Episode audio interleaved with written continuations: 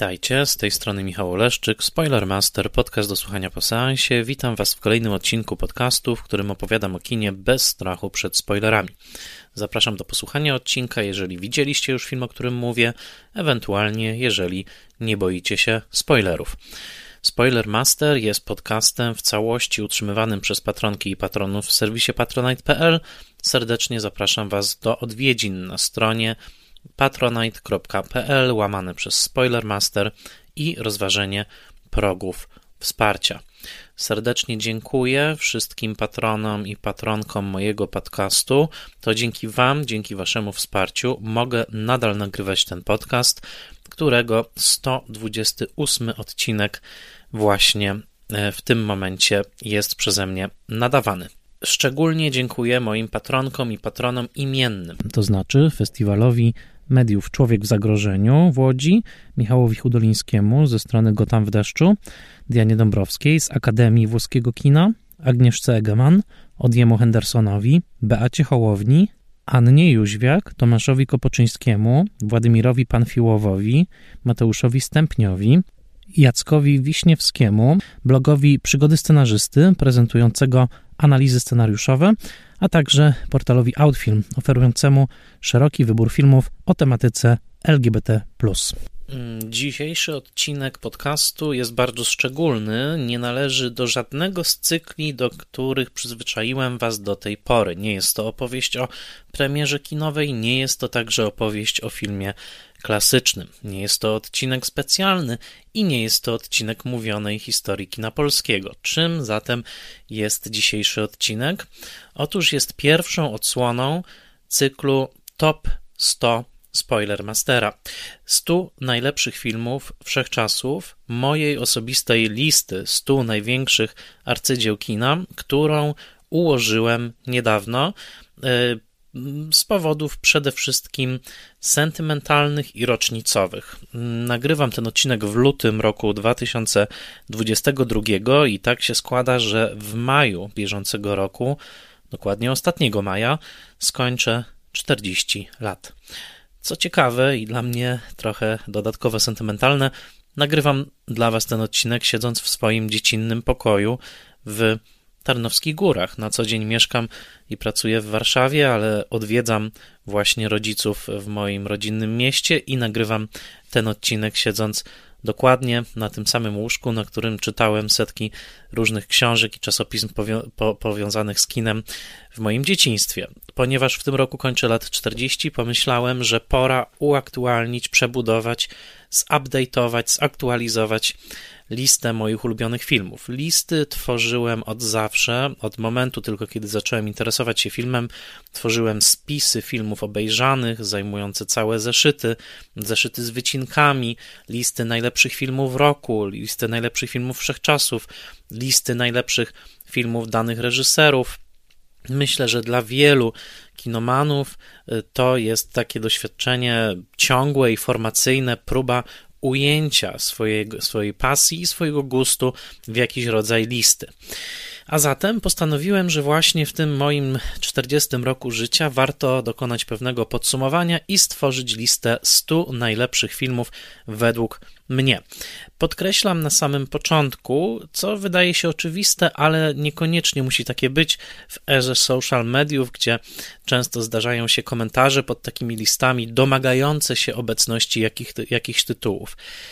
Otóż zaczynam od prostego stwierdzenia. Lista, którą zaprezentuję w tym odcinku, 10 ostatnich miejsc z tej listy zaprezentuję i którą będę ujawniał w kolejnych 9 odcinkach rozpisanych na cały rok 2022. Otóż ta lista jest listą moją, jest listą subiektywną, jest listą, która nie odzwierciedla nic innego jak tylko jednostkowy gust obywatela polskiego Michała Oleszczyka, urodzonego 31 maja 1982 roku w Tarnowskich Górach. Jest to bardzo istotne, albowiem jeżeli dojdziecie do wniosku, że na liście jest za mało filmów, które Wam się osobiście podobają, za mało filmów reżyserowanych przez osoby przynależące do tej czy innej płci, do tej czy innej grupy etnicznej, do tej czy innej dekady, do tej czy innej geografii, kraju, kultury, przynależności, to wszystko nie ma dla mnie w tym momencie znaczenia. Jest to lista, która odzwierciedla moje spojrzenie na kino i mój gust filmowy. Oczywiście, jako że kino jest sztuką globalną, w tych filmach odzwierciedli się cały świat, cały świat ludzkich doznań, czasem heteronormatywnych, czasem nieheteronormatywnych, czasem męskich, czasem kobiecych, a czasem nie mieszczących się w tych binarnych opozycjach.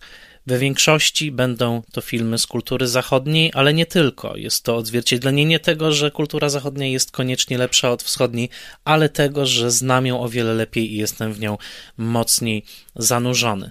A zatem, ilekroć zdenerwujecie się na tę listę, pamiętajcie, że każdy z nas i każda z nas przemawia tylko z tego ograniczonego spłachetka ziemi, jaki zajmujemy i doświadczenia i oczytania, jakie udało nam się zdobyć w okresie naszego, naszego życia. Bardzo możliwe, że ta lista będzie wyglądała inaczej za 10 lat. Postanowiłem, że co 10 lat będę ją uaktualniał, nie częściej.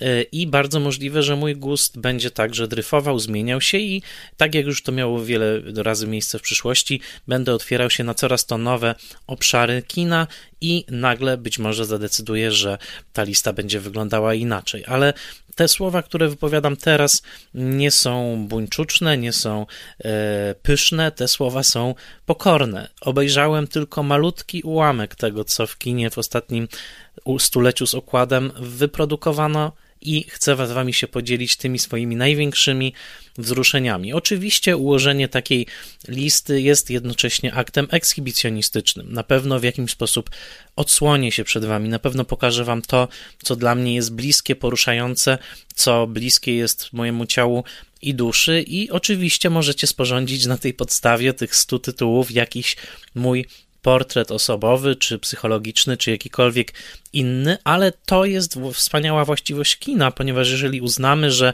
nasze rozmowy o guście filmowym, nasze rozmowy o tym, co w kinie jest dla nas ważne, są jednocześnie rozmowami o tym, co po prostu dla nas jest ważne i jakimi jesteśmy ludźmi, to czy może być wspanialsza forma kinofilskiej komunikacji niż właśnie ułożenie takiej listy, zaproszenie do swojego świata, pokazanie swojej mozaiki stu tytułów, które są dla nas bardzo ważne?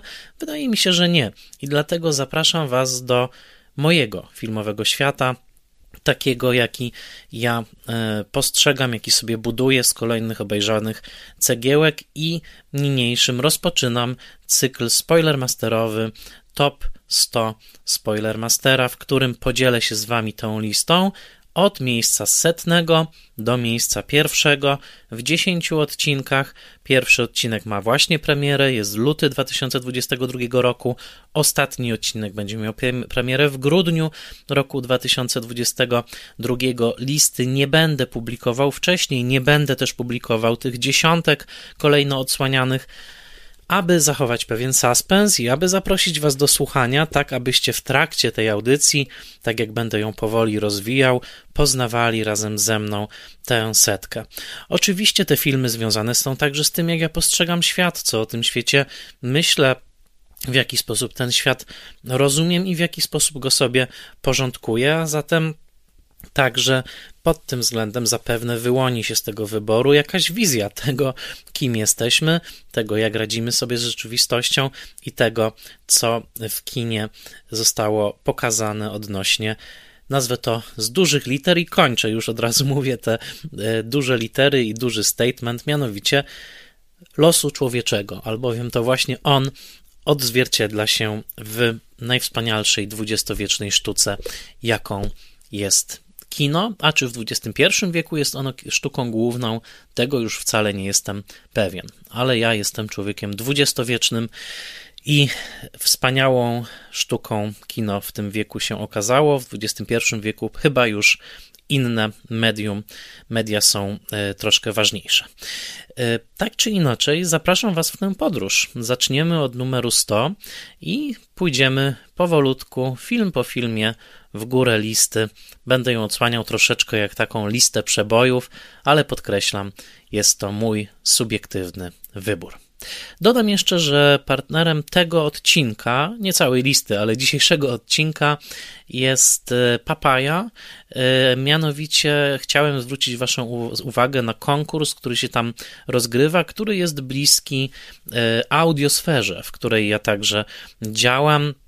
Mianowicie w ramach Papaya Young Creators w konkursie dla twórców i twórczyń filmowych jest obecnie szansa na opowiedzenie czegoś dźwiękiem. Chciałem zwrócić Waszą uwagę, to mówię do wszystkich, którzy chcieliby wystartować w takim konkursie, na nową kategorię Audio Stories, organizowanej we współpracy z Audioteką i redakcją Papaya Rocks. Można tam mianowicie zgłosić pomysł na audio serial, który otrzyma następnie szansę na realizację. W pierwszym etapie wystarczy zgłoszenie konceptu na serię fiction lub non-fiction w dowolnym gatunku.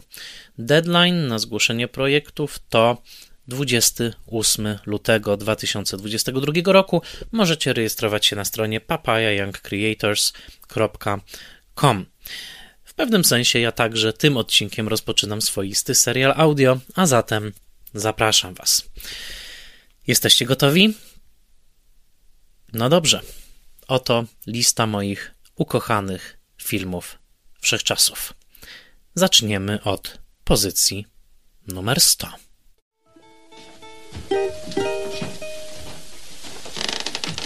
Gilbert and Sullivan.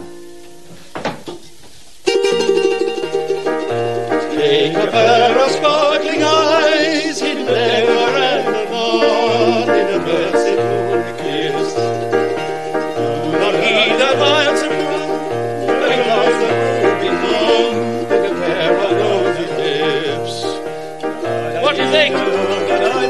Or punishment?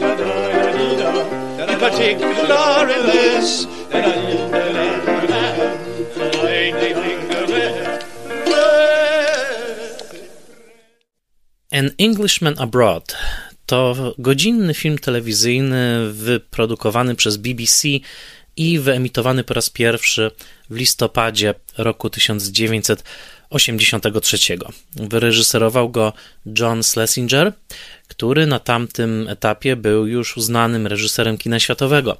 Znacie go ze Spoilermastera, albowiem opowiadałem o jego oscarowym filmie Nocny Cowboy z roku 1969.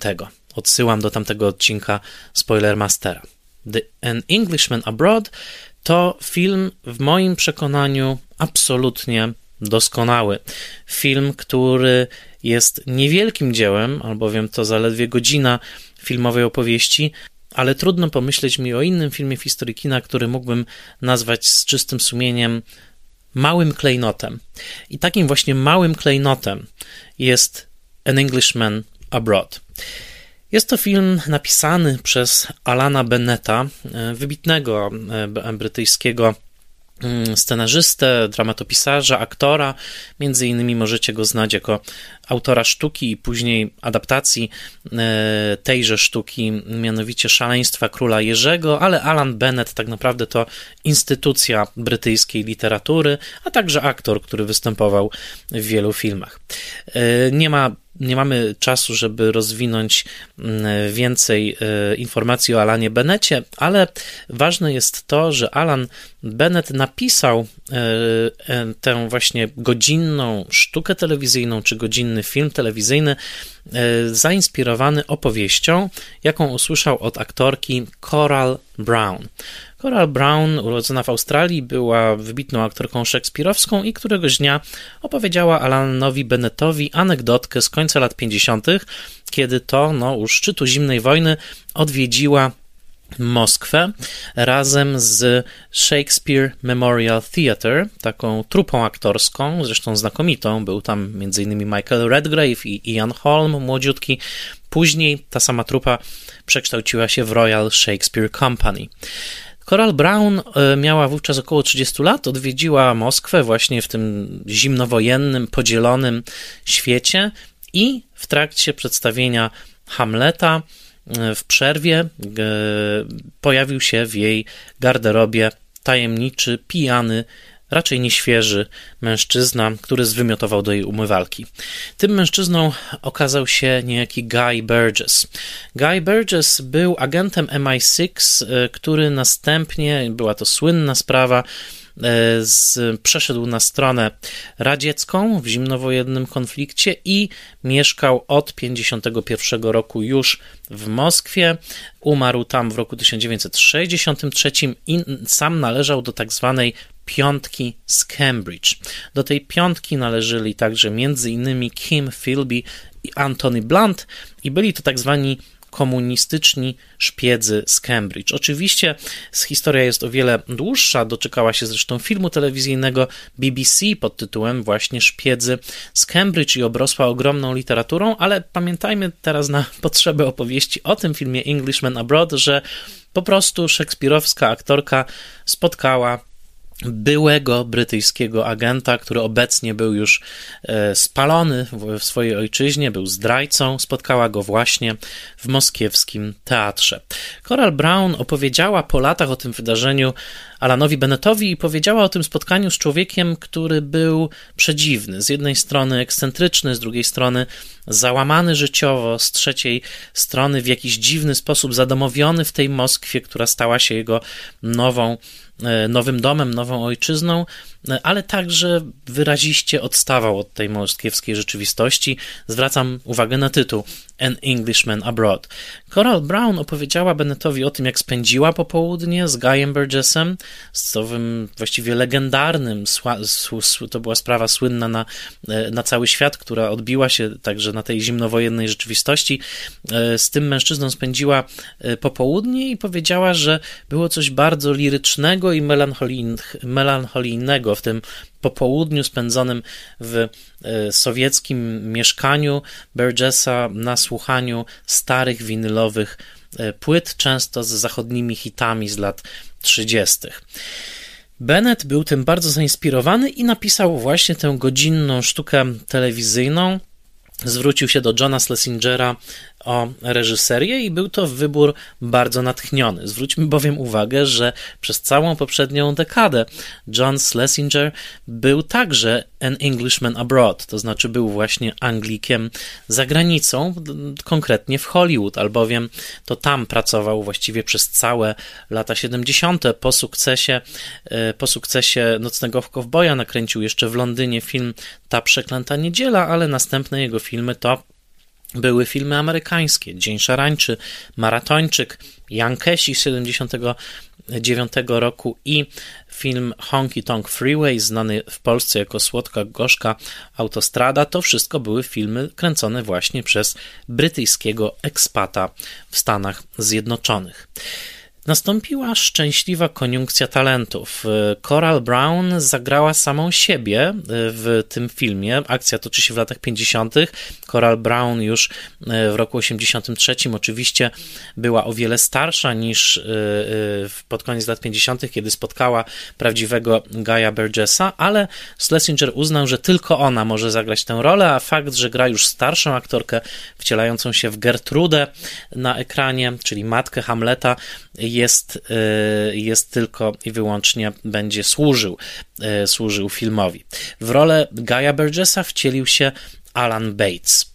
Ich spotkanie w teatrze, właśnie w trakcie spektaklu Hamleta i późniejszy kontakt w Moskwie e, wraz z owym um, uroczym popołudniem w zapuszczonym sowieckim mieszkaniu w bloku, można powiedzieć, właśnie należącym do Burgessa nasyca całość filmu niesłychanie ekscentryczną i jednocześnie jednocześnie ciepłą atmosferą.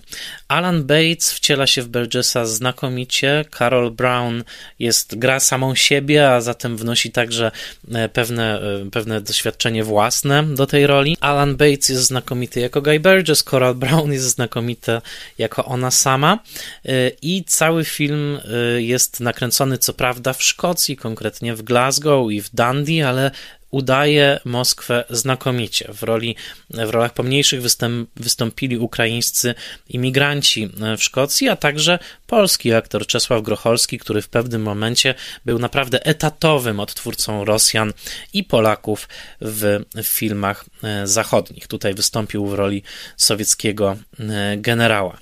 E, wydaje się, że taki film poczęty z anegdoty i trwający zaledwie 60 parę minut sam także skazany jest na pewną anegdotyczność i być może nawet na pewną płytkość, no bo ileż można opowiedzieć w ramach jednej ciekawej, soczystej, ale jednak anegdoty zimnowojennej, jaką jest spotkanie brytyjskiej aktorki ze słynnym, e, objętym już wówczas infamią brytyjskim e, szpiegiem. Otóż Alan Bennett napisał scenariusz absolutnie genialny. Zresztą John Schlesinger przyznał, że był to najlepszy scenariusz, jaki czytał w życiu i tak jak Schlesinger był znany z tego, że często wprowadzał różne zmiany w scenariuszach innych autorów, tak tutaj każde słowo przeniósł na ekran.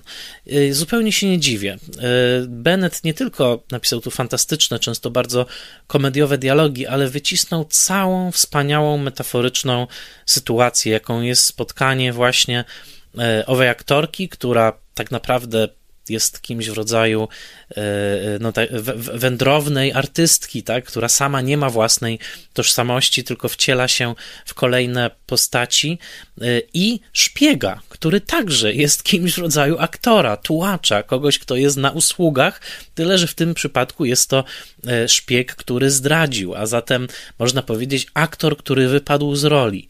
I, i to wspaniałe ich spotkanie w zapuszczonym, zagraconym mieszkaniu Burgessa, do którego przychodzi także jego rosyjski kochanek. E, Burgess był homoseksualny i nagle cała trójka przeżywa coś w rodzaju takiego magicznego, nie do powtórzenia popołudnia, które już nigdy nie wydarzy się w takim kształcie, do którego nie będzie można wrócić tylko we wspomnieniach. Jest w tym coś naprawdę doniosłego. Moment, w którym nie mówiący po angielsku rosyjski kochanek Burgessa bierze bałałajkę, y, Burgess siada do fortepianu i wspólnie zaczynają grać szlagiery XIX-wiecznej brytyjskiej operetki Gilberta i Sullivana, jest jednym z moich ulubionych momentów w całym kinie światowym. Spojrzenie Coral Brown na tę taką niewielką, ciepłą, troszkę koślawą idyllę, jaką tych dwóch mężczyzn, którzy nawet nie mówią jednym językiem, stworzyło w tym mieszkaniu, jednocześnie z tą Moskwą otaczającą ich, nieprawdopodobnie świetnie oddaną biurokracją i szorstkością tego sowieckiego reżimu, jest w tym coś bardzo, bardzo ujmującego. Z drugiej strony, y, fabuła właściwa dotyczy tego, że Burgess prosi Coral Brown, aby przysłała mu z Anglii e, garnitur szyty na miarę. Mówi, że w Moskwie nie ma takich krawców jak krawcy angielscy, a zatem podaje jej swoje wymiary i druga połowa filmu to już misja Coral Brown w Londynie, która stara się właśnie uszyć ten garnitur i wybiera się do krawieckiego zakładu, który z wielką e, wyższością odpowiada, że dla pana Burgessa nie będziemy szyć garnituru, albowiem jest on zdrajcą naszego narodu. I wtedy zaczyna się jeszcze ciekawsza część filmu, mianowicie rozmowa o tym, czym tak naprawdę jest zdrada w tej zimnowojennej rzeczywistości i e, jak to jest, jak sama Coral Brown mówi do krawca, że krawcy nie mają żadnych problemów z obsługiwaniem e, setek cudzołożników, którzy w Londynie płacą im słone pieniądze za świetne garnitury, a mają problem z obsłużeniem pana e, Burgessa ta tęsknota Brytyjczyka, tęsknota An Englishman Abroad za uszytym w Londynie garniturem i ostatnie ujęcie, w którym przechadza się on po Moskwie w krawacie zakupionym w londyńskim sklepie, jest czymś nieprawdopodobnie wzruszającym. Właśnie jeżeli dwudziestowieczną figurą jest tułacz, ktoś, kto nie ma swojego miejsca, ktoś, kto często jest wygnany ze swojej rzeczywistości i musi się odnaleźć w rzeczywistości drugiej, a przecież to jest doświadczenie e, imigrantów, i także mm, e, stricte doświadczenie zimnowojenne wielu ludzi, którzy przedarli się na drugą stronę, czy to wschodnią, czy zachodnią, dotykał tego także Paweł Pawlikowski w Zimnej Wojnie, to wydaje mi się, że chyba żaden film nie dotknął tej zimnowojennej rzeczywistości w sposób tak filozoficzny, nakłuwając jedną malutką anegdotę i docierając w jej ramach do czegoś niesłychanie głębokiego i poruszającego. No, dość powiedzieć, że w tym filmie pada kilka cytatów, które naprawdę trudno wyrzucić, wyrzucić z głowy, i przede wszystkim pada w nim takie pytanie, czym tak naprawdę jest dom? Czy domem jest ta kultura, w której się rodzimy, czy domem jest ten kraj, w którym wzrastamy, czy dom jest tam, gdzie my go postanowimy sobie stworzyć na własnych zasadach. I jak w ogóle możemy uczestniczyć w świecie, który ogarnięty jest takim rodzajem politycznego szaleństwa, jakim była. Na przykład zimna wojna, ale myślę, że można to odnieść tak samo do rozmaitych wojen i podziałów dzisiejszych. Co ciekawe, Schlesinger już rok później, w 1984 roku, będzie realizował film, który wejdzie na ekrany w 1985, Sokół i Koka, o dwóch Amerykanach, którzy postanowili właśnie przejść na stronę sowiecką, jeden z powodów merkantylnych, drugi z powodów ideologicznych, ale także Schlesinger, który był zawieszony pomiędzy dwoma światami jako imigrant, jako homoseksualista, jako ktoś, kto ciągle nawigował swoją tożsamość pomiędzy e, rozmaitymi biegunami. Myślę, że świetnie tych bohaterów rozumiał i sam scenarzysta filmu Sokół i Koka, Steven Zalian, e, potwierdził, że ten temat właśnie przynależności czy złamania pewnej przynależności do większej wspólnoty w imię swojej własnej prawdy był mu bardzo bliski.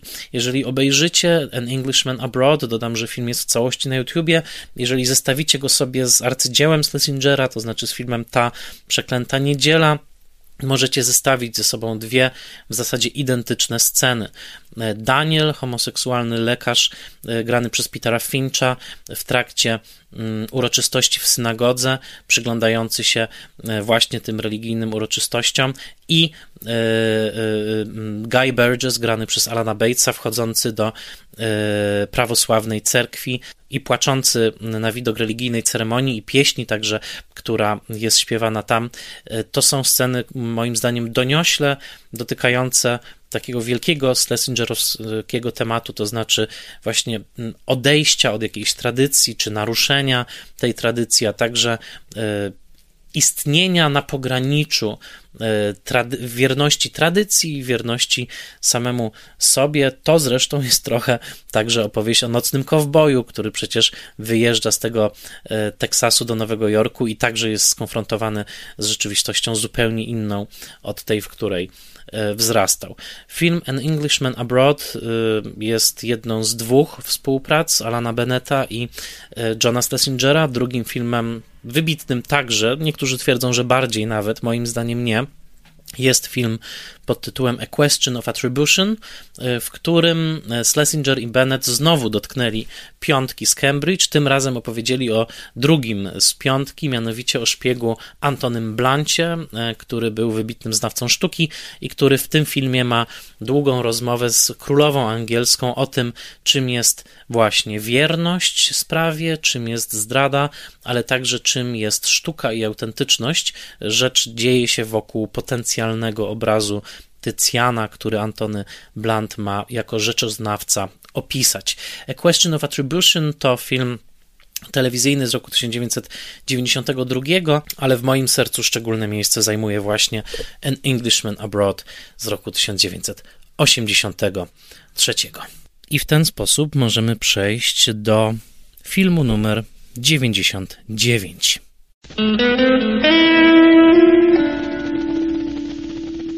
There was no fear in Star City, Arkansas. No murder. No killers. Until now. They're as violent as we've ever seen. What's the story on this Star City thing? You think it'd be a wild goose chase if you went down there? Welcome to Star City, boys! For Chief Dale Dixon, it's the chance of a lifetime. Follow me! After 10 years of busting peeping toms and stop sign runners, I'd kind of like to take a crack at the big time. These are dangerous people we're dealing with. Get your hands up! Last night, some folks killed a Texas state trooper. Looks like they're headed our way, boys. You know, I've never seen Dale this excited before. It's waiting on the bad guys where a kid waits for Christmas. But his first shot at the big time I think he looks at y'all like you're some kind of heroes. Well, we're we're far from that. might be his last. We're gonna be cool. Damn, this could be a big one. We're gonna play it by ear. Jeden fałszywy ruch To film Karla Franklina z roku 1992. Opowieść e, z dreszczykiem, opowieść kryminalna, w zasadzie thriller policyjny, jednocześnie najbardziej brutalny thriller policyjny, jaki znam, a z drugiej strony jeden z najpiękniejszych, a także najdowcipniejszych filmów, jakie widziałem właśnie w gatunku thrillera. Jest to film, do którego scenariusz napisali Billy Bob Thornton i Tom Epperson. Billy Bob Thornton występuje także w filmie i warto przypomnieć sobie z tej okazji, że jest to nie tylko świetny aktor, ale także scenarzysta. Zresztą za scenariusz do filmu Sling Blade otrzyma później Oscara. Film wyreżyserował Carl Franklin, który dzisiaj jest znany przede wszystkim z seriali, które reżyseruje bardzo często, między innymi dla Netflixa. Seriale takie jak House of Cards, Mindhunter, ale także Pozostawieni, 13 powodów, Pacyfik, Newsroom, Rzym. Carl Franklin jest jednym z najbardziej wziętych reżyserów serialowych w XXI wieku, ale w latach 90. nakręcił kilka wybitnych filmów kinowych na czele właśnie z jednym fałszywym ruchem i trochę żal, że później jego ta kinowa kariera się aż tak nie rozwinęła. Jest jednocześnie jednym z afroamerykańskich reżyserów, którzy bardzo silnie swoją obecność w amerykańskim kinie odcisnęli, ale właśnie w amerykańskim kinie gatunkowym z mocnym autorskim stemplem. Dodam, że takie filmy jak W bagnie Los Angeles, czyli Devil in the Blue Dress z Denzelem Washingtonem z roku 1995, taki neo-noir w zasadzie, a także Jedyna prawdziwa rzecz, One True Thing, za którą Oscara, nominację do Oscara otrzymała Meryl Streep, to także filmy Karla Franklina. Jeden fałszywy ruch to opowieść o gangu morderców i złodziei, którzy w pierwszych scenach filmu brutalnie mordują szóstkę osób i po czym ruszają z Kalifornii do Teksasu. E, policjanci z Los Angeles dowiadują się, że e, bardzo możliwe, że, zatrzyma, że szajka zatrzyma się w małym miasteczku Star City w stanie e, Arkansas. I tamtejszy szeryf, który, którego gra Bill Paxton, szeryf nazywa się Dale Dixon dostaje cynk, że oto do jego sennego raczej miasteczka, w którym on jako szeryf nie ma wiele do roboty, przyjedzie dwóch prawdziwych, twardych gliniarzy z Los Angeles. W roli tych gliniarzy Jim Metzler i Earl Billings. I mm, w ten sposób ten małomiasteczkowy glina będzie chciał się wykazać przed kolegami z dużego miasta i pokazać, że on także potrafi wykonywać dobrą policyjną robotę. Film jest skonstruowany bardzo kunsztownie, to znaczy przerzucamy się pomiędzy poczynaniami gangu, który coraz to bardziej zbliża się do Arkansas i działaniami właśnie w Star City, e, w tej lokalnej społeczności i jest nieprawdopodobnie nasycony detalami obyczajowymi, które pokazują faktyczne starcie dwóch kultur wielkomiejskiej i małomiasteczkowej w ramach jednych i tych samych, tych samych Stanów Zjednoczonych. Napięcia rasowe, społeczne, klasowe rzadko kiedy pokazywane są z takim stopniem szczegółowości i bystrości, jak właśnie jest to pokazane w e, fałszywym ruchu. E, dość powiedzieć, że nie ma tutaj jakiegoś wyrazistego, dydaktycznego przesłania na temat chociażby pokonywania różnic pomiędzy przedstawicielami e, różnych mm, ras czy klas społecznych. Raczej pokazany jest taki ciągły stan napięcia, niezbyt gwałtownego, ale istniejącego, który sprawia, że rozmaite grupy nawzajem sobą tak naprawdę pogardzają, a jednocześnie są zmuszeni do współpracy. A zatem nie jest to taki dydaktyczny film, jak chociażby w Upalną Noc Normana Jewisona, ale na prawdziwy, krwisty thriller bez e, jednego przesłania e, politycznego, w którym skomplikowanie Stanów Zjednoczonych właśnie e, na linii duże miasto, małe miasto, Zachód i Middle America jest, są pokazane naprawdę w sposób wyśmienity.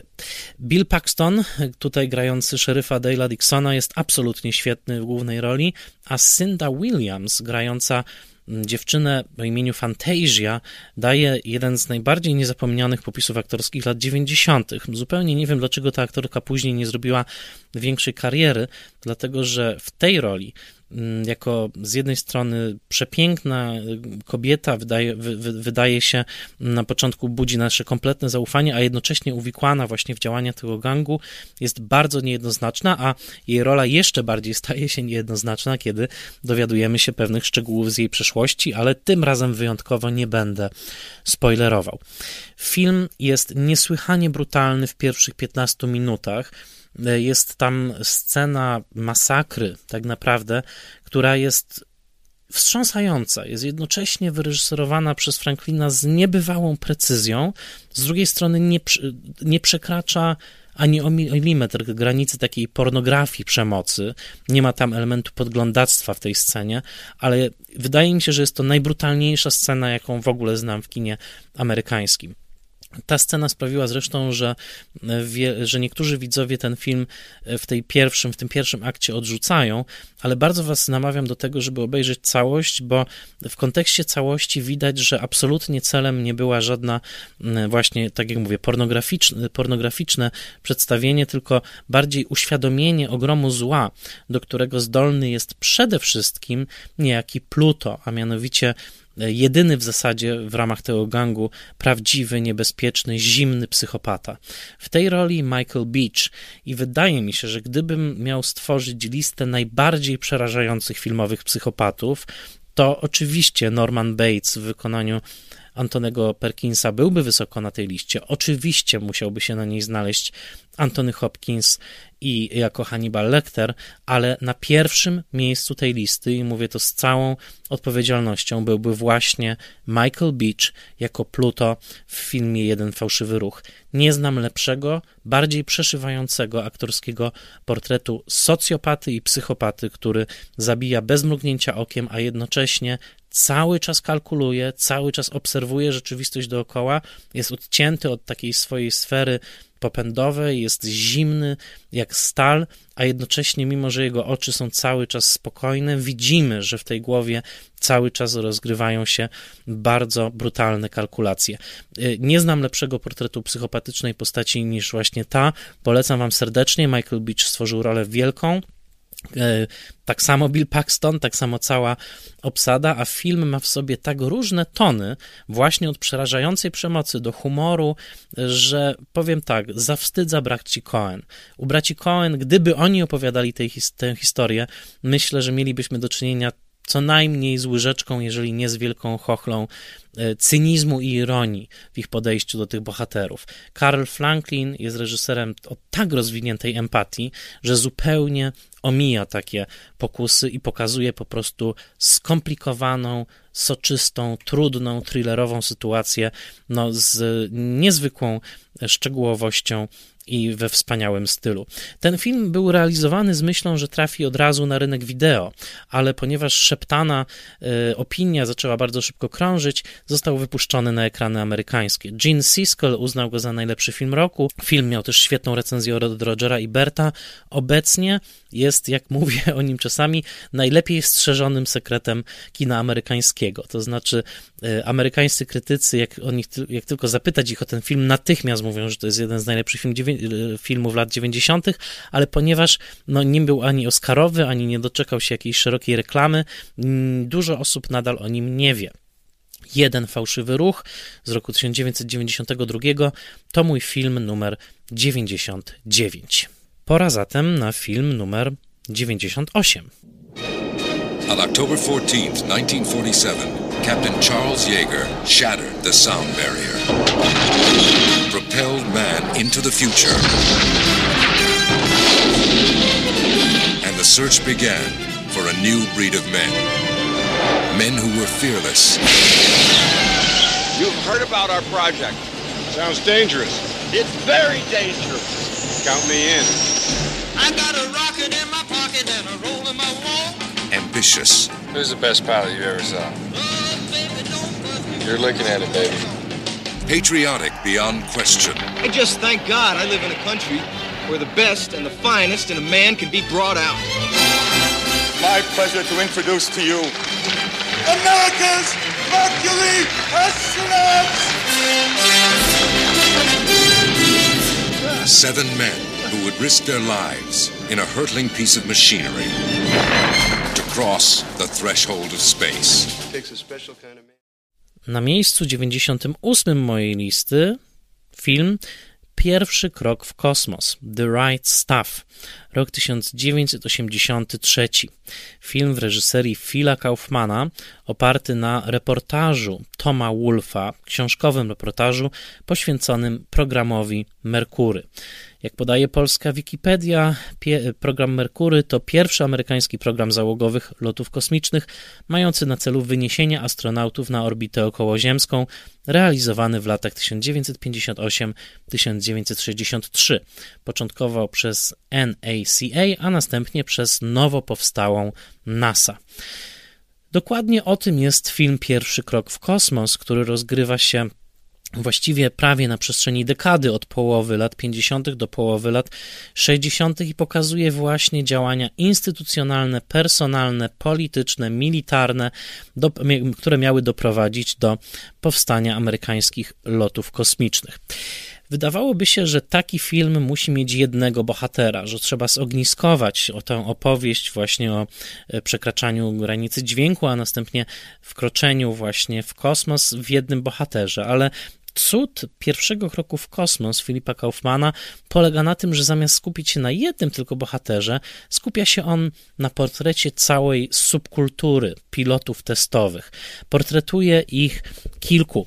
I w tym filmie, mimo że oczywiście całość ciąży w stronę Chucka Jegera y, jako głównego y, bohatera, w tej roli występuje sam e, Shepard, to jednocześnie dostajemy soczyste portrety e, Virgila Grissoma w tej roli Fred Ward, Gordona Coopera w tej roli Dennis Quaid, Johna Glena w tej roli Ed Harris, Alana Sheparda w tej roli Scott Glenn i Waltera Sheary w tej roli Lance Henriksen. Warto także wymienić Scotta Paulina jako Donalda Slaytona te postaci są tak ze sobą wspaniale splecione, że dostajemy faktycznie portret całej grupy. The Right Stuff z tytułu to nieprzetłumaczalny, właściwy towar. To znaczy ci, którzy mają to coś, aby wykonać zadanie. I w tym sensie film jest westernem, dlatego że można o nim myśleć jako o rodzaju siedmiu wspaniałych, tyle że przepisanego właśnie na, przepisanych na loty kosmiczne z amerykańskiej prerii. Jednocześnie Philip Kaufman, który mm, western miał we krwi i zrealizował jeden nowoczesny western pod koniec lat 70., The Great Northfield Minnesota Raid, myślał dokładnie tak o tym filmie i zamieścił w mm, pierwszym pierwszym kroku w kosmos liczne sceny nawiązujące swoją ikonografią właśnie do ikonografii westernu. Pierwszy krok w kosmos jest moim ulubionym zimnowojennym eposem heroicznym, ale tak naprawdę jest eposem heroikomicznym, to znaczy łączącym właśnie opowieść o bohaterach, o herosach z poczuciem humoru. I w tym sensie nie potrafię wskazać na drugi film w historii kina, który potrafiłby tak pięknie połączyć wzniosłość, dlatego że nie ma wątpliwości, że Kaufman podziwia swoich bohaterów, ich odwagę e, w rzucaniu wyzwań e, samym sobie i właśnie w tym dążeniu do tego, żeby wzlecieć w kosmiczną przestrzeń przestrzeń, ale jednocześnie opowiada to jako rodzaj rozpisanej na trzy godziny komedii omyłek, w której liczne instytucjonalne niedociągnięcia, czasami przypadłości fizjologiczne, a także sceny rodem niemalże jak z komedii e, z Abotem i Costello, przeplatają się z tymi momentami wzniosłymi. Nie znam drugiego filmu, który tak świetnie łączyłby właśnie opowieść o bohaterach rozegraną na serio z elementami komediowymi. Dzięki temu powstaje coś zupełnie wyjątkowego. Ten film dostał w roku 1983 aż 8 nominacji do Oscara i wygrał za muzykę Billa Contiego, możecie go kojarzyć z Rockiego, za najlepszy dźwięk, montaż efektów dźwiękowych i za najlepszy montaż, ale niestety nie wygrał za najlepszy film. Wówczas ta nagroda powędrowała do jakże innych czułych słówek. Ale ilekroć ten film oglądam, a miałem go okazję oglądać raz na taśmie 70 mm w nowojorskim Museum of Moving Image, był to jeden z moich ulubionych, naj, najbardziej takich emocjonalnych seansów filmowych. Opowiadałem wam już zresztą o nim w odcinku właśnie o moich ulubionych filmowych seansach.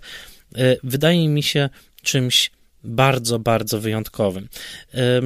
Filip Kaufman świadomie reżyserował film jednocześnie w kluczu wzniosłym i komediowym, dbał o każdy szczegół.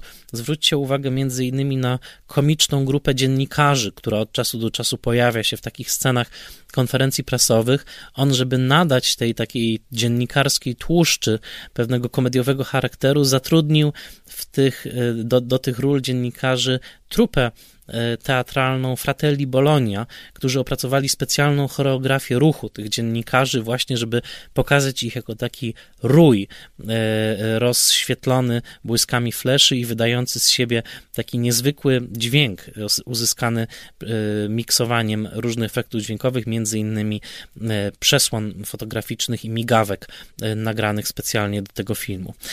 Pierwszy krok w kosmos jest filmem, który w Polsce jest nadal za mało znany. Nie mógł być dystrybuowany w latach zimnej wojny, ponieważ był pochwałą amerykańskiej odwagi. Później, w późniejszych latach pojawiał się w telewizji w wersji okrojonej. Wersja pełna tego filmu trwa 3 godziny 13 minut. Niestety w kinach amerykańskich nie okazał się sukcesem, okazał się za długi e, dla e, tamtejszych widzów, mimo ogromnego wsparcia od krytyki amerykańskiej ale film okazał się hitem na rynku wideo i jest oglądany do dzisiaj. Ja nigdy nie zapomnę tego pewnie jedynego w moim życiu seansu z taśmy światłoczułej tego filmu, bo nie wiem, czy kiedyś jeszcze będę miał okazję zobaczyć ten film w tak wspaniałej wersji, ale wam polecam, żebyście kupili ten film na Blu-rayu, krąży w bardzo niskich cenach na Amazonie y, używane płyty zwłaszcza są tanie i żebyście obejrzeli go na jak największym możliwym ekranie. To naprawdę jeden z najbardziej niezwykłych, epickich filmów w historii kina. Moja pozycja 98, pierwszy krok w kosmos. Tym samym przechodzimy do pozycji 97.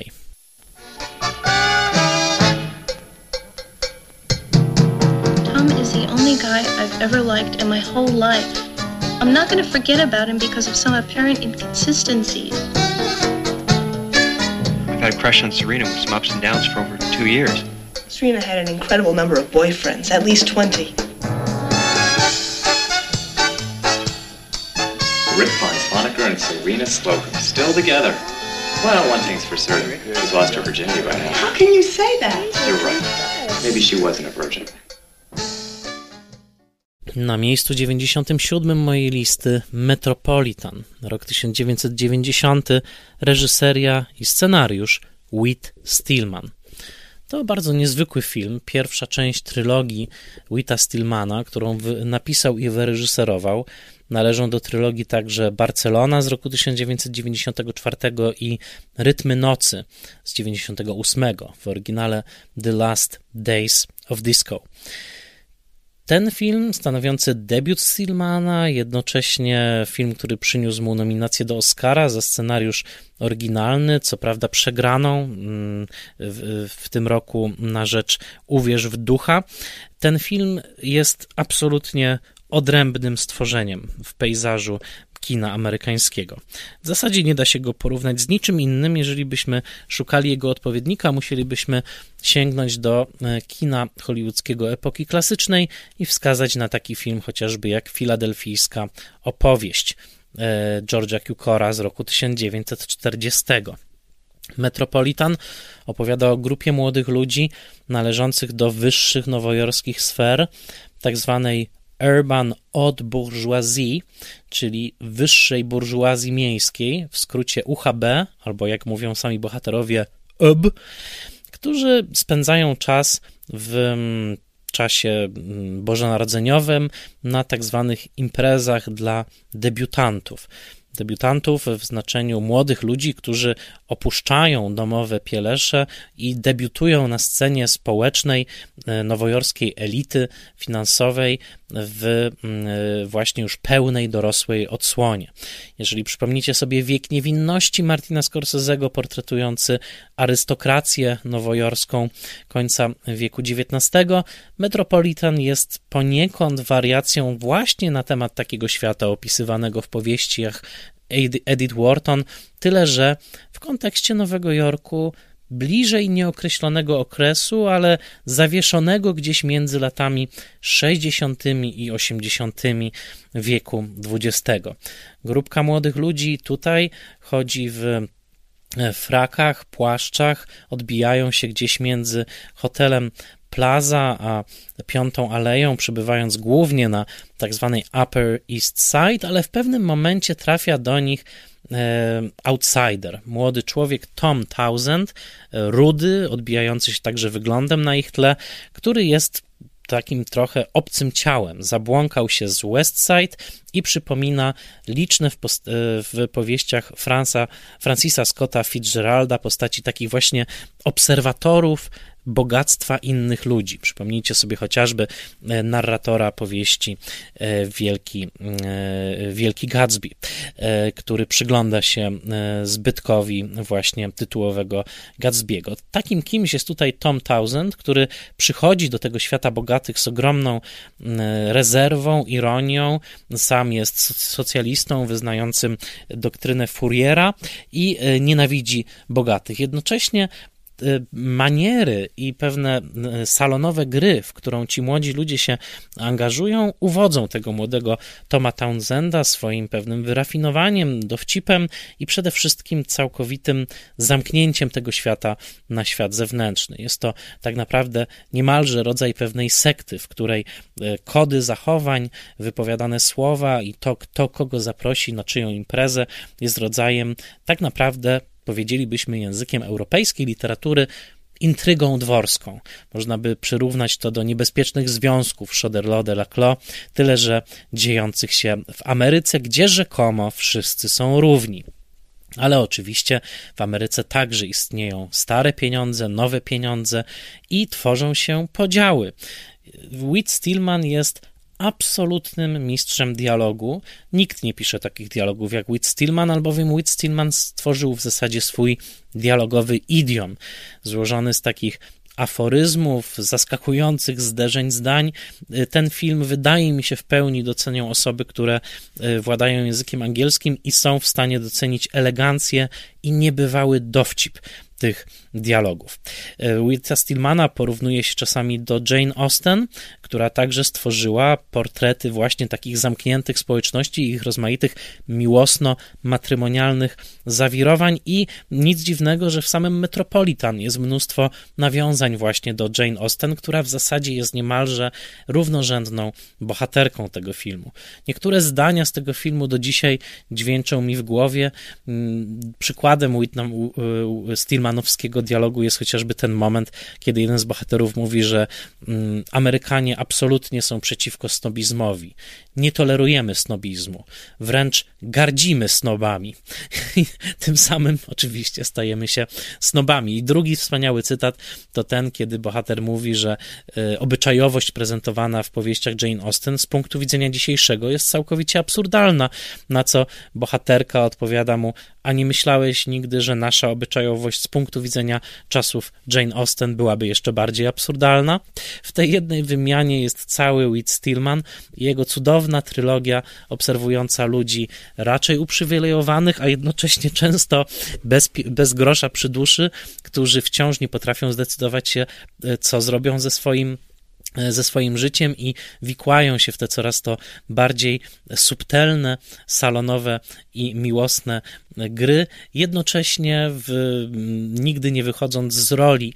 I w tym sensie właśnie ten film, w którym obsada prawie cały czas jest ubrana właśnie we fraki, garnitury i przechadza się po tych nowojorskich salonach i ulicach. W pewnym sensie ten film wygląda właśnie jak film z lat 30. czy 40., gdzie Cary Grant, Katrin Hepburn też poruszali się po takich wnętrzach i można go spokojnie zestawić albo z filadelfijską opowieścią, a może nawet lepiej z filmem Holiday z roku 1938, gdzie właśnie obserwowaliśmy równie pięknych, równie uprzywilejowanych ludzi, a jednocześnie często okazywało się, że niektórzy e, byli całkowicie pozbawieni e, pieniędzy, co e, wychodziło w odpowiednim momencie i tylko na prawach pewnej, pewnej, pewnych satelitów obracali się w tym najlepszym towarzystwie. Film powstał w wyniku tego, że Stillman, który przepracował całe lata 80. w agencji zajmującej się przygotowywaniem projektów graficznych w Nowym Jorku, sprzedał swoje nowojorskie mieszkanie i zysk, e, zdobył także dodatkowe finansowanie. Film powstał za 200 tysięcy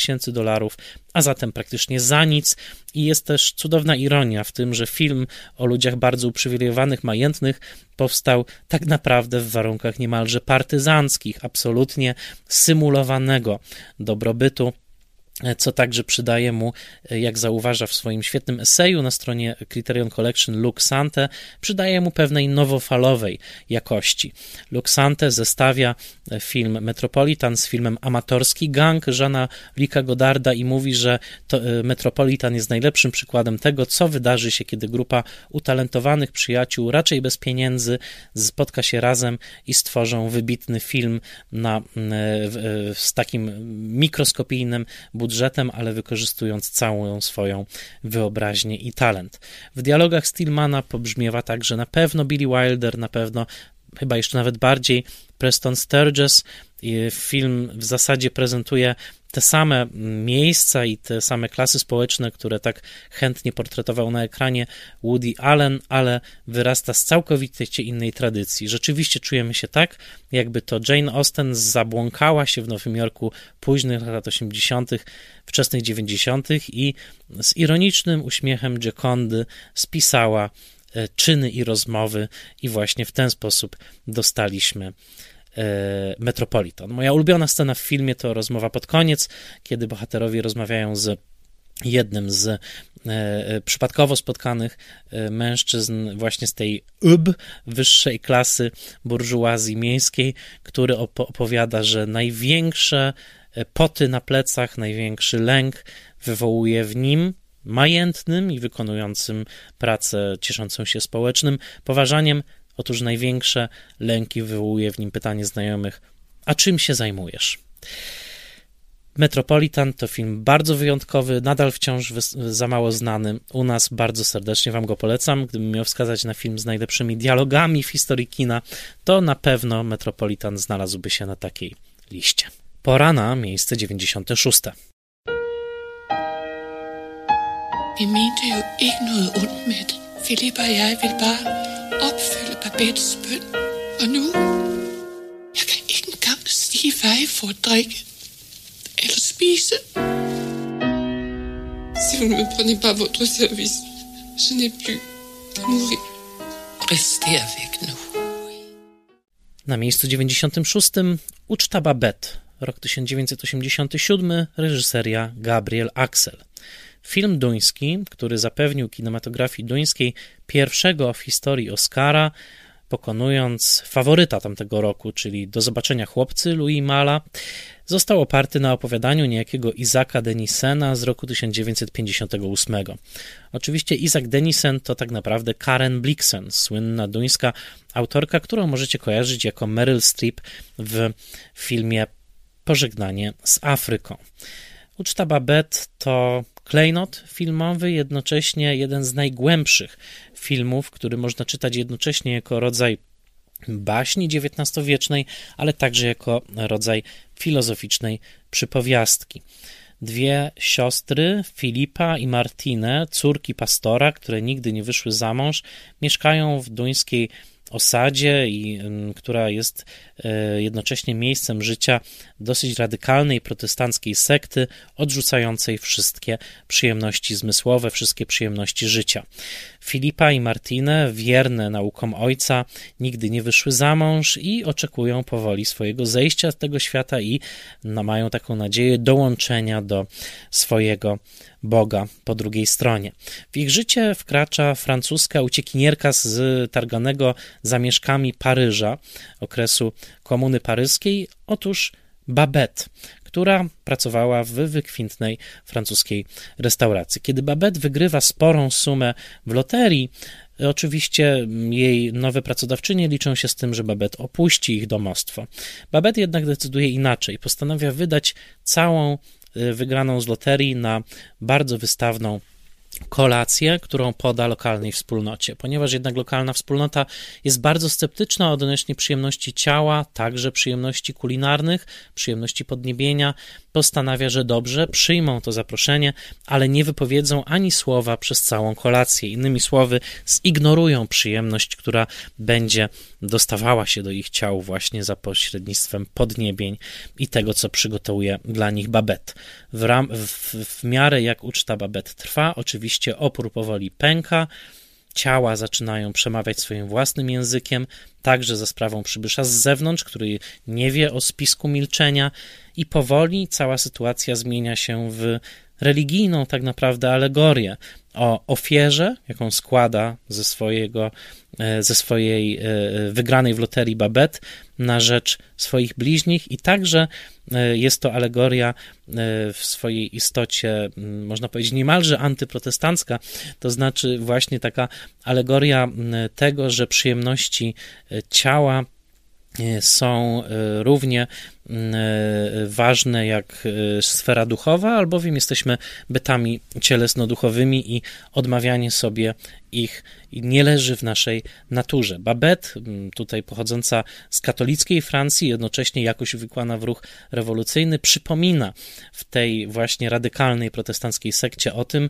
że być może o czymś zapomniała, stawiając na tak purytański model życia, jaki wybrała. Jako ciekawostkę warto dodać, że jest to ulubiony film papieża Franciszka obecnie, urzędującego w Watykanie.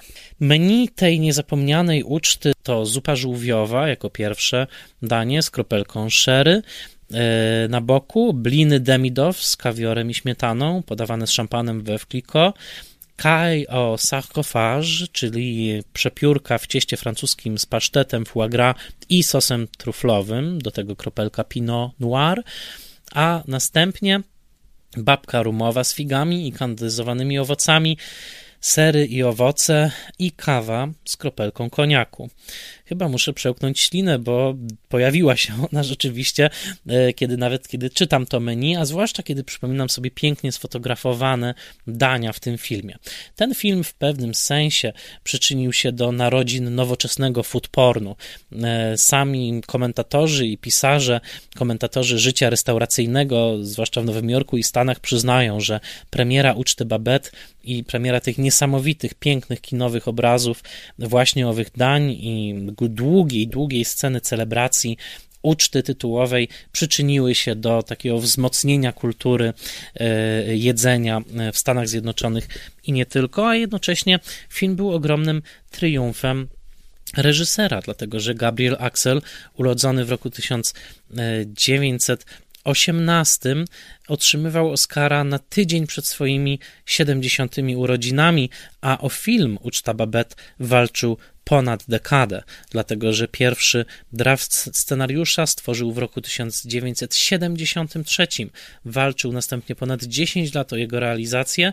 Na początku chciał obsadzić Catherine Deneuve, ale następnie za radą Claude'a Chabrola została obsadzona była żona Chabrola, czyli Stéphane Audran, tutaj we wspaniałej e, stylizacji, zwłaszcza w takim płaszczu z kapturem, w którym pojawia się niemalże jakby przybywała z innego, e, z innego świata.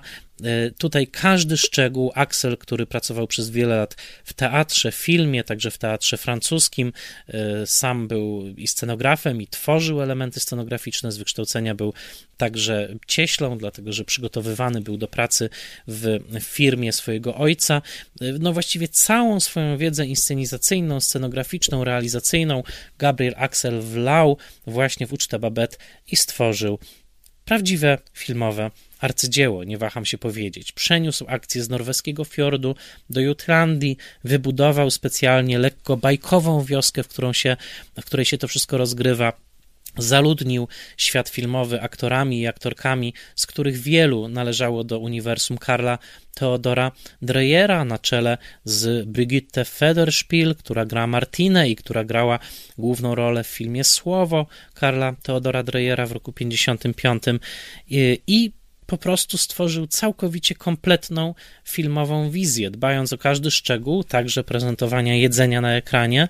Słynna jest, jest historia o, to, że, o tym, że około 100 przepiórek zostało przyrządzonych na potrzeby tego filmu, mimo że na ekranie widzimy 12, ale Axel upierał się nawet przy najmniejszych detalach i kiedy chciał odtworzyć moment wysysania mózgów przepiórek, które wedle opisu Karen Blixen miało być momentem, kiedy bohaterowie czują, że w ich ciało wstępuje jakaś nowa, cudowna energia i kiedy aktorzy odmówili, niektórzy z nich przynajmniej odmówili tego wysysania mózgów, on napakował główki przepiórek marcepanem i kazał im wysysać marcepan, a marcepan jest, jak wiemy, przepyszny i przesłodki i w tym momencie rzeczywiście na ich twarzach ta błogość się pojawia. Dodam, że sama długa sekwencja uczty jest absolutnym masterclassem, jeżeli chodzi o montaż, dźwięk i montowanie e, ujęć pokazujących reakcje bohaterów. Na to, co jedzą, oni sami, na to, co jedzą inni, na to, jak reagują poszczególne osoby przy stole na poszczególne dania, i ta powolna, komiczna i wspaniała symfonia spojrzeń, skarceń, westchnień, siorbnięć i momentów, kiedy na twarzy pojawia się całkowita błogość konsumpcji cudownych, cudownych produktów. To jest wielkie arcydzieło Axela i polecam Wam ten film najserdeczniej. Uczta Babette rok 1987, to pozycja na mojej liście numer 96. Na miejscu 95 mojej listy pojawia się The moon brings the woman to the man. Capisci? The moon is a little like love. Will you marry me? I will marry you. I will be your wife. You love him, Loretta? No. Good. When you love them, they drive you crazy. Sometimes Why are you marrying Johnny? He's a fool. it makes you act a little crazy. Where are you taking me? To the bed. Oh, God. Okay, I don't care. I don't care. Take me. Take me to the bed. Isn't it romantic? You got a love bite on your neck. Your life's going down the toilet. You'll have your eyes open for you, my friend. I have my eyes open. I'll say no more. You haven't said anything. Ah, che bella luce. Miejsce 95 już opisałem w Spoilermasterze. Wystarczy, że wrócicie do odcinka szóstego w sezonie trzecim i tam dowiecie się wszystkiego o wpływie Księżyca Normana Jewisona. Ten film wedle scenariusza Johna Patricka Shanleya to moim zdaniem najlepszy film brukliński, pokazujący cudowny, wyjątkowy smak tej największej i najbardziej e, przytulnej e, z wszystkich pięciu dzielnic Manhattanu. Opowieść o wdowie granej przez Cher w oscarowej roli, której wydaje się, że powinna z rozsądku poślubić danego Aiello, ale wszystko wywraca się w momencie, kiedy jej zmysły odżywają, a ona poznaje jego szalonego brata, to znaczy Nicolasa Cage'a. Jest moim zdaniem arcydziełem lirycznej komedii romantycznej, w której jednocześnie widzimy pewne farsowe elementy fabuły, pięknie zazębiającej się, przygotowanej przez Shanleya, ale tak naprawdę jak wskazała Pauline Kael, głównym bohaterem jest to, jak bohaterowie mówią, w jaki sposób cudownie angażują swoje włoskie korzenie i włoskie kadencje w wypowiadanie długich, długich, niemalże operowych tyrad i w jaki sposób codzienność Brooklynu i tych sercowych dylematów, takiej chociażby wdowy jak Loretta, zostają wplecione w tło wielkich namiętności operowych, tutaj rozgrywających się na scenie Metropolitan Opera w postaci opery Cyganeria Pucciniego, która jest pięknie wpleciona w całość filmu. Więcej o tym filmie tutaj nie powiem, poza tym, że już rozklejam się na samą myśl o nim i na, na myśl o tej wspaniałej scenie, kiedy Cher policzkuje Nicolasa Cage'a i mówi mu snap out of it, ale jeżeli chcecie o wpływie Księżyca więcej posłuchać, zapraszam Was do odcinka Spoilermastera numer S03E06, tam więcej, a teraz przejdźmy już do miejsca 94. Next? You're incredible. Do you understand? Yeah. I'm serious. You think I could have done that without you standing next to me being strong? Are you feeling this? Are you feeling because I'm feeling right now? Yeah, I'm cold. You cold? Yeah. Let's get to Virginia, man. Just keep your head now. Turn around. He's all right. We didn't do it. Whoa, whoa, whoa! Get back here. Turn around.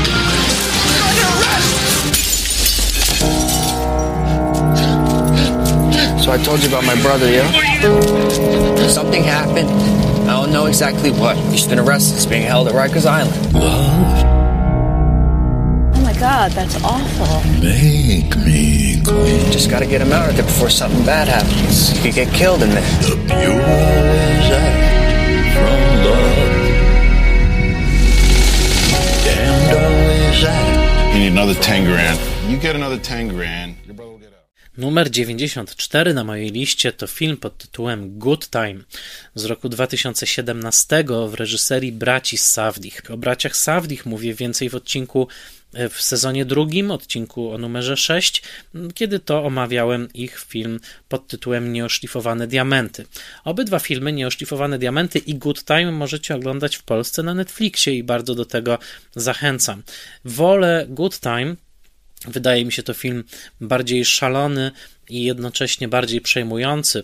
E, Film, który powiem tak, uważam za najbardziej brawurowy film ostatnich 20 lat.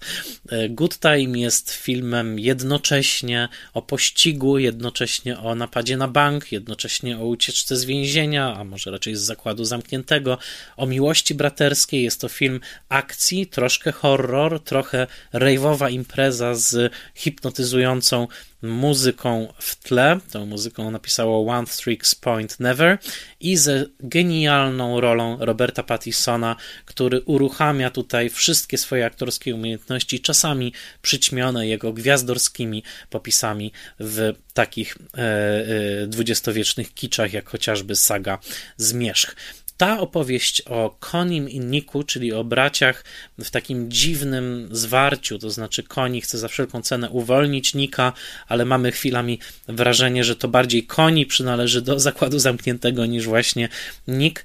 E, Otóż uważam, że ten film jest majstersztykiem, ponieważ jest skonstruowany troszeczkę jak film, w którym bracia Safdie chcieli zawrzeć wszystkie możliwe konwencje kina opartego na ruchu, na pędzie, na ciągłym przemieszczaniu się, na tym, że akcja nie ma ani chwili odpoczynku. Jest to jednocześnie film, tak jak powiedziałem, o napadzie na bank, o pościgu. Ma tutaj, jest tutaj dużo slapstickowego humoru, opowieść o braterstwie.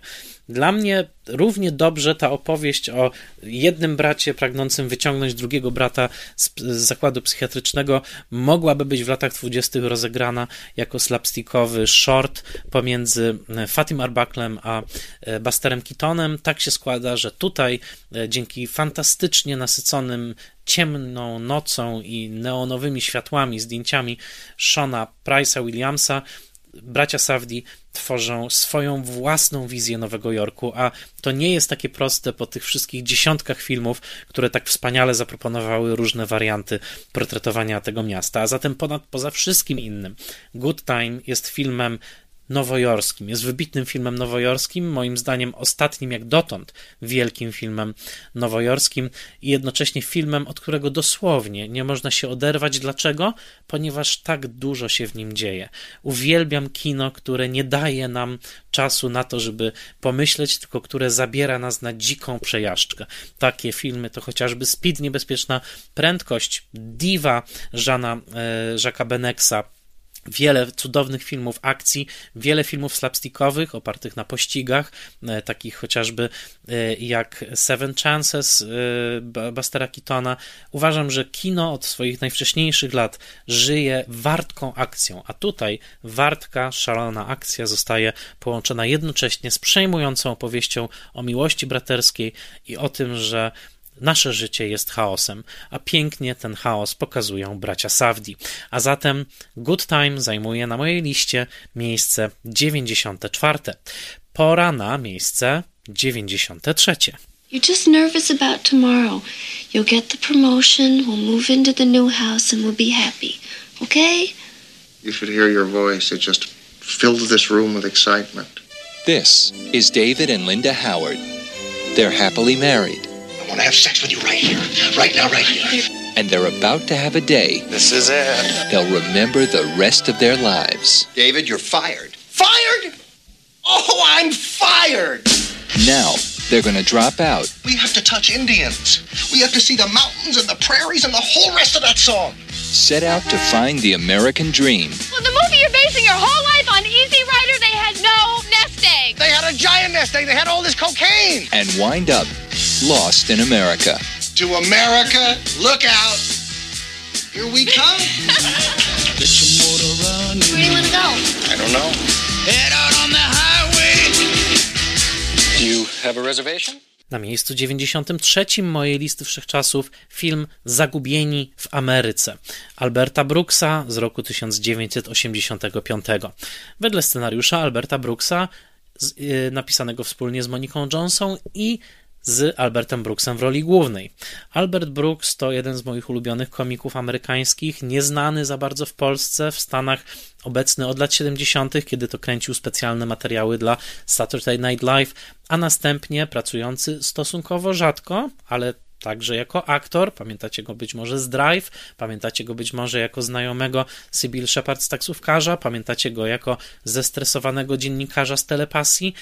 Mimo to, że w każdej z tych ról Albert Brooks był świetny, to ja najbardziej lubię Alberta Brooksa jako reżysera. Kim jest Albert Brooks w kinie amerykańskim?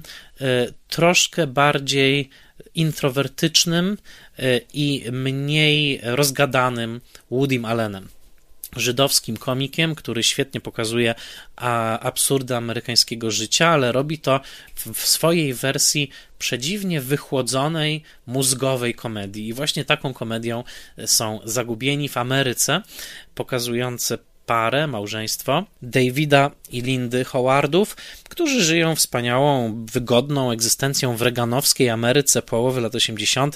i są wcieleniem e, takich dobrze najedzonych japis. On pracuje e, w firmie reklamowej, ona pracuje w dużym domu handlowym jako jedna z kierowniczek, zarabiają świetnie, czego chcieć więcej. W pewnym momencie David dochodzi do wniosku, że ich życie jest puste i że powinni ruszyć w trasę, tak jak bohaterowie filmu Easy Rider o którym opowiadałem w Spoilermasterze w odrębnym odcinku.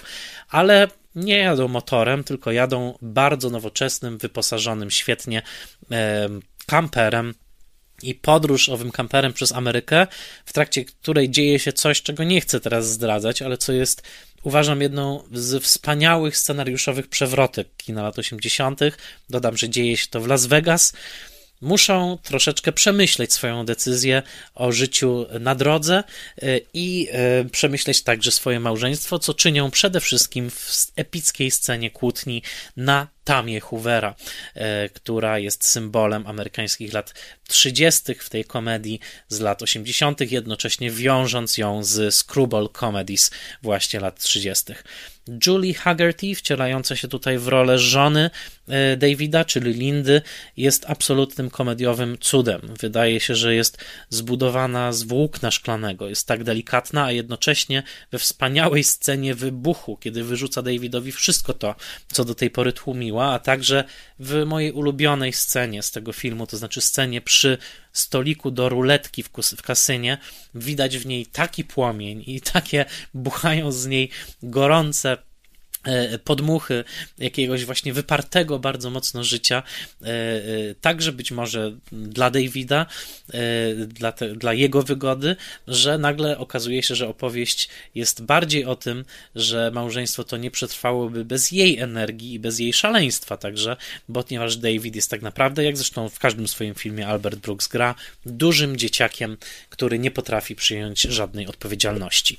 Zagubieni w Ameryce to także amerykański klasyk, jest wydany na Blu-rayu Criterion Collection. W Polsce twórczość Alberta Brooksa wciąż pozostaje bardzo mało znana, a dla mnie ten film obejrzany po raz pierwszy w trakcie mojej pierwszej wycieczki do Stanów w 2007 roku, a zatem także e, to dodało mu uroku, jest jedną z ulubionych amerykańskich i w ogóle komedii wszechczasów. A zatem możemy przejść do miejsca 92.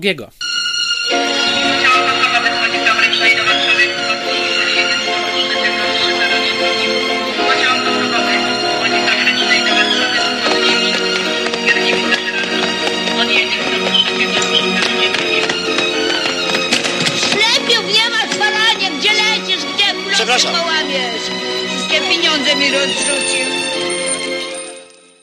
Na miejscu 92 mojej listy Przypadek.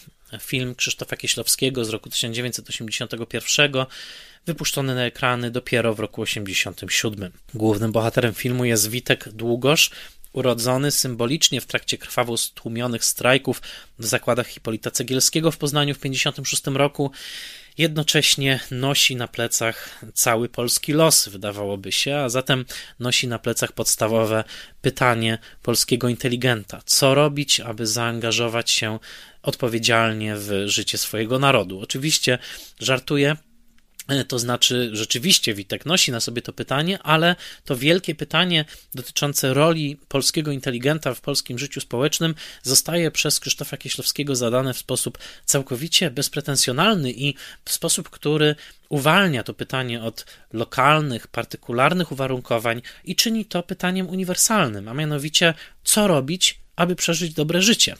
Kieślowski był tym reżyserem w Polsce, który najlepiej potrafił przekształcać lokalne, partykularne pytania w pytania uniwersalne. I to wspaniale udało się właśnie w filmie y, Przypadek. Wydaje mi się, że właśnie w przypadku udało się to Kieślowskiemu najlepiej. To znaczy, pokazując trzy warianty życia Witka Długosza, w zależności od tego, czy zdąży na pociąg, czy nie zdąży na pociąg, czy zostanie zaaresztowany przez sokistę na dworcu Łódź Fabryczna, te losy Witka układają się zupełnie inaczej. Raz jest zaangażowanym członkiem partii komunistycznej, raz jest op- opozycjonistą, równie zaangażowanym, a raz wybiera swoistą neutralność, znaną pod naszą szerokością geograficzną jako emigracja wewnętrzna. Pewna bezczelna propozycja Kieślowskiego, ale właśnie wspaniała tak naprawdę w kontekście tego filmu jest taka, że Kieślowski mówi trochę, że nie ma to znaczenia, którą ścieżkę formalnie czy oficjalnie Witek wybiera, albowiem sam Witek w każdym z wariantów pozostaje sobą i jego nakaz taki wewnętrzny, żeby zachowywać się w sposób prawy, żeby zachowywać się w sposób godny, obowiązuje go tak samo w każdym z trzech wariantów. Była to myśl niesłychanie kontrowersyjna w momencie premiery tego filmu oczywiście trochę spóźnionej, i film doczekał się dużej dyskusji, albowiem czy rzeczywiście nie ma znaczenia, czy Witek był komunistycznym działaczem, czy działaczem opozycyjnym, czy rzeczywiście należy skupić się tylko na tym, że był, jak mówił Kieślowski, porządnym człowiekiem. Dla wielu było to kontrowersyjne i czytając dzisiaj recepcję przypadku, można powiedzieć wręcz o pewnym teście Rorschacha. Różne osoby dopatrzyły się w tym filmie różnych znaczeń, od pochwały serwilizmu po potwarz pod adresem Solidarności. Ale wydaje mi się, że w tym filmie pojawia się jakaś głęboka mądrość Kieślowskiego, który w bardzo gorącej e, politycznie dekadzie e, lat 80., no przypomnijmy, że film powstał w czasie karnawału Solidarności, przyjmuje po pozycję, która jest zupełnie jego własna, wręcz dosyć niepopularna. Nie nazwę jej apolityczną, bo to zbyt płytkie, ale taką y, trochę y, obok polityczną. Innymi słowy, Kieślowski dokładnie w czasie, kiedy w modzie jest ogromne zaangażowanie polityczne, mówi, że tak naprawdę pytanie najważniejsze, egzystencjalne tkwi gdzieś zupełnie indziej. Mniej po tym, po której stronie barykady się znajdujesz, bardziej po tym, jakie decyzje podejmujesz w środku dnia i czy kierujesz się właśnie jakimś poczuciem przyzwoitości, czy nie. Jest w tym coś bardzo egzystencjalnego, być może nawet egzystencjalistycznego. Myślę, że zwłaszcza w kontekście twórczości Alberta Camus, możemy tutaj mówić o pewnym pokrewieństwie Kieślowskiego właśnie z tym myśleniem i myślę, że jest to, jest to myśl, która warta jest do przetrawienia w każdym okresie e, historycznym. Ma swoje pułapki, ale ma także swoją ogromną głębię. Nie znam bardziej filozoficznego polskiego filmu niż ten. Rzeczywiście Kieślowski zadaje bardzo głębokie pytania o tożsamość, wybory moralne i o to także, jak świat dookoła ocenia wybory moralne jednostki i myślę, że przypadek jest takim filmem, na pewno w moim przypadku, który zupełnie odbiera się inaczej, w zasadzie w różnym punkcie swojego życia.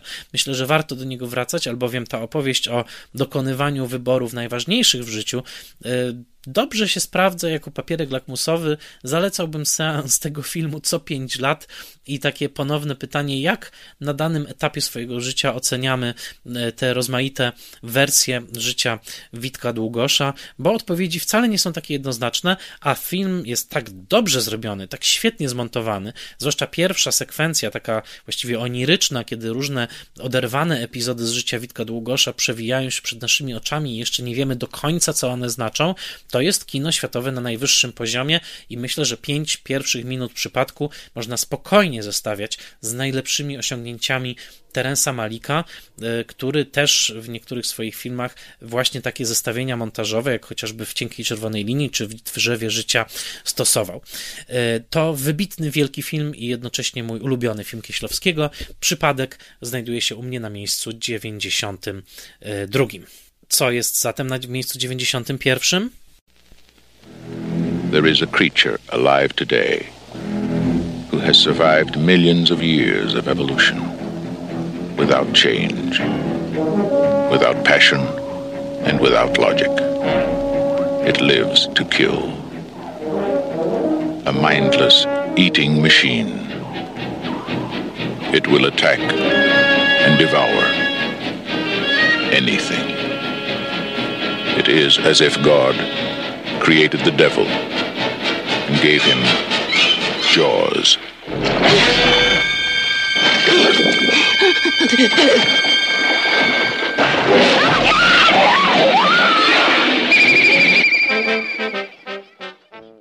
Na miejscu 91 na mojej liście znajdują się Szczęki, rok 1975, reżyseria Steven Spielberg. Pierwszy i najważniejszy blockbuster, film, który zmienił sposób myślenia o zarabianiu na kinie i zaporządkował epokę wielkich filmów, które miały zarobić ogromne pieniądze od razu dzięki reklamom telewizyjnym, zabawkom i innym cudom. E, ten film zmienił ekonomię Hollywoodu, zapewne zmienił ją na gorsze, być może przyczynił się do śmierci kina artystycznego, jakie już już rodziło się w nowym Hollywoodzie, ale tak się składa, że sam jest wybitnym artystycznym dokonaniem. Steven Spielberg zrobił ten film wbrew oczekiwaniom, e, nikt nie wierzył, że to się uda, działał w trudnych warunkach technicznych i wyczarował rekina atakującego ludzi na plaży w Amityville w Nowej Anglii dosłownie z niczego. Ten film z muzyką Johna Williamsa Williamsa jest, myślę, najwybitniejszym filmem manipulującym emocjami widza, ponieważ to, w jaki sposób Spielberg zarządza naszym strachem w trakcie tego seansu, stosując cały arsenał środków filmowych, jest nie do prześcignięcia. W zasadzie wszystkie sztuczki, jakich Spielberg nauczył się od Hitchcocka, jakie wchłonął z dotychczasowej historii kina amerykańskiego i jakie wymyślił, są w tym filmie zawarte. Film z perspektywy dzisiejszej i z perspektywy tego, jak bardzo zaszkodził rekinom na świecie, przyczepiając im łatkę, na którą wcale nie zasługiwały, jest dosyć moralnie wątpliwy, ale wydaje mi się, że jako artystyczne dokonanie jest absolutnie nie do podważenia. Ten film dziejący się w miejscowości o nazwie Amity, to znaczy dosłownie przyjaźń, jest jednocześnie rodzajem medytacji na temat więzi społecznych w Ameryce, która już, już zbliża się do dwusetnego roku swojego istnienia. W roku 1976 Stany Zjednoczone w końcu świętowały tak zwany bicentennial, a zatem dwustulecie swojego istnienia i mm, Spielberg wydaje się pytać, na ile te więzy społeczne są rzeczywiście silne, a na ile to siły rynkowe kształtują e, politykę e, Stanów Zjednoczonych. Mm, ten film oparty na e, dosyć słabej powieści Petera Benchleya jest jednocześnie rodzajem wiktoriańskiej przygody męskiej, dlatego że mamy tutaj moment, w którym Roy Scheider, czyli szeryf Brody, który przyjechał z Nowego Jorku, a widzieliśmy jak Nowy Jork wyglądał w latach 70 w francuskim łączniku, gdzie Roy Scheider grał policjanta, albowiem jest on uciekinierem właśnie z tej gnijącej miejskiej Ameryki i Robert Shaw, czyli Quint, stary wilk morski w kluczu kapitana Ahaba z Melvilla i Richard Dreyfus, czyli Hooper, e, nerd, naukowiec, nerd, zamiennik Spielberga w tym, e, w tym zestawie, jednocześnie postać właśnie naznaczona etnicznością żydowską. Kiedy oni wyruszają w morze, no to są właśnie trzema kumplami, którzy muszą zabić potwora. E, to jest wzięte wprost jeszcze z takiej wiktoriańskiej wyobraźni, gdzie właśnie trzech przyjaciół wyrusza po to, żeby zabić smoka. Wracają i nawet, co ciekawe, na co zwracają uwagę komentatorowie, nie ma sceny ponownego E, spotkania z żoną e, Brodiego. Wystarczy, że dwóch przyjaciół, którzy przeżyli, siadają na, e, na plaży i tak ta historia się kończy. Pauline Kael, wielka miłośniczka tego filmu, powiedziała, że Spielberg posunął sztukę montażu filmowego najbardziej od czasów Eisensteina, że ten film rzeczywiście w tym, jak operuje naszym spojrzeniem, naszym okiem, jak kieruje nasze oko i ucho w stronę zagrożenia, po czym znowu oddala nas od tego zagrożenia po to, żeby jak najlepiej budować napięcie, jest osiągnięciem samym w sobie i myślę, że do dzisiaj może być studiowany jako najlepszy instruktaż tego, jak manipulować uczuciami widza i do dzisiaj ogląda się go absolutnie świetnie i do dzisiaj na tym filmie można się bać, e, mimo że Możemy znać każde jego ujęcie, każdą jego e, śrubkę. Szczęki Stevena Spielberga to w moim przekonaniu film zapowiadający całe kino nowej przygody, zapowiadający dominację e, blockbustera na rynku amerykańskim. Film stworzony po to, aby dawać czystą rozrywkę, a jednocześnie dzięki geniuszowi swojemu reżysera stający się czymś więcej, pewną medytacją na temat człowieka, natury, męskości, morza, tego, w jaki sposób człowiek z naturą wchodzi w ciągły, nie do zredukowania konflikt, i jest to film, który do dzisiaj, myślę, można reinterpretować w tym kluczu, a także właśnie w kluczu nowego pytania o amerykańskość, albowiem, jak zwraca uwagę Antonia Quirk, najwybitniejsza e, analityczka tego filmu, interpretatorka, to przecież na tych samych wybrzeżach, które widzimy tutaj, na wybrzeżach e, Nowej Anglii, działali wielorybnicy, tworząc podwaliny amerykańskiego e, przemysłu e, jeszcze w XIX e, i wcześniej nawet w XVIII wieku.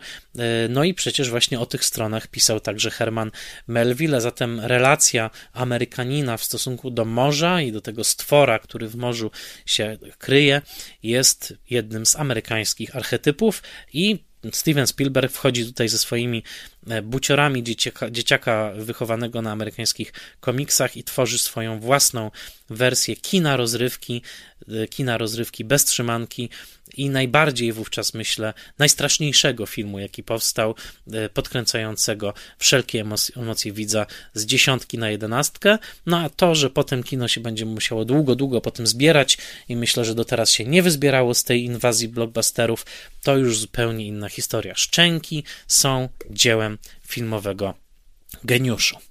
Tutaj zaciągam kurtynę, ponieważ pozycję 90 poznacie dopiero za miesiąc, kiedy wrócę do swojego cyklu Top 100 Spoilermastera. A teraz jeszcze notka o dostępności filmów i podsumujmy sobie dotychczasową listę, tym razem od góry. Miejsce 91 Szczęki, reżyseria Steven Spielberg. Film obecnie dostępny jest legalnie w streamingach Amazon Prime Video, Chili i Apple TV. Do miejsca 92. Przypadek. Reżyseria Krzysztof Kieślowski. Film obecnie jest dostępny w streamingu 35 mm.online. Miejsce 93. Zagubieni w Ameryce. Reżyseria Albert Brooks. Film w tym momencie niedostępny w polskich streamingach. Został wydany na wideo i DVD w Stanach Zjednoczonych. Używane kopie tego filmu krążą w sieci. E, można e, je nabyć na aukcjach. E, miejsce 94. Good Time, reżyseria bracia Safdi, film dostępny na platformie Netflix. 95. miejsce Wpływ Księżyca, Norman Jewison, film dostępny w streamingu Apple TV. Miejsce 96. Uczta Babette, reżyseria Gabriel Axel. Film w tym momencie niedostępny w polskich streamingach, dostępny na używanych DVD z brytyjskiego Amazona. Film na miejscu 97 to Metropolitan, reżyseria Whit Stillman, niedostępny obecnie w polskich streamingach, dostępny na używanych płytach DVD na Amazonie brytyjskim i amerykańskim. Miejsce 98. Pierwszy krok w kosmos, reżyseria Philip Kaufman, film dostępny w Polsce w streamingach na Chili i Apple TV.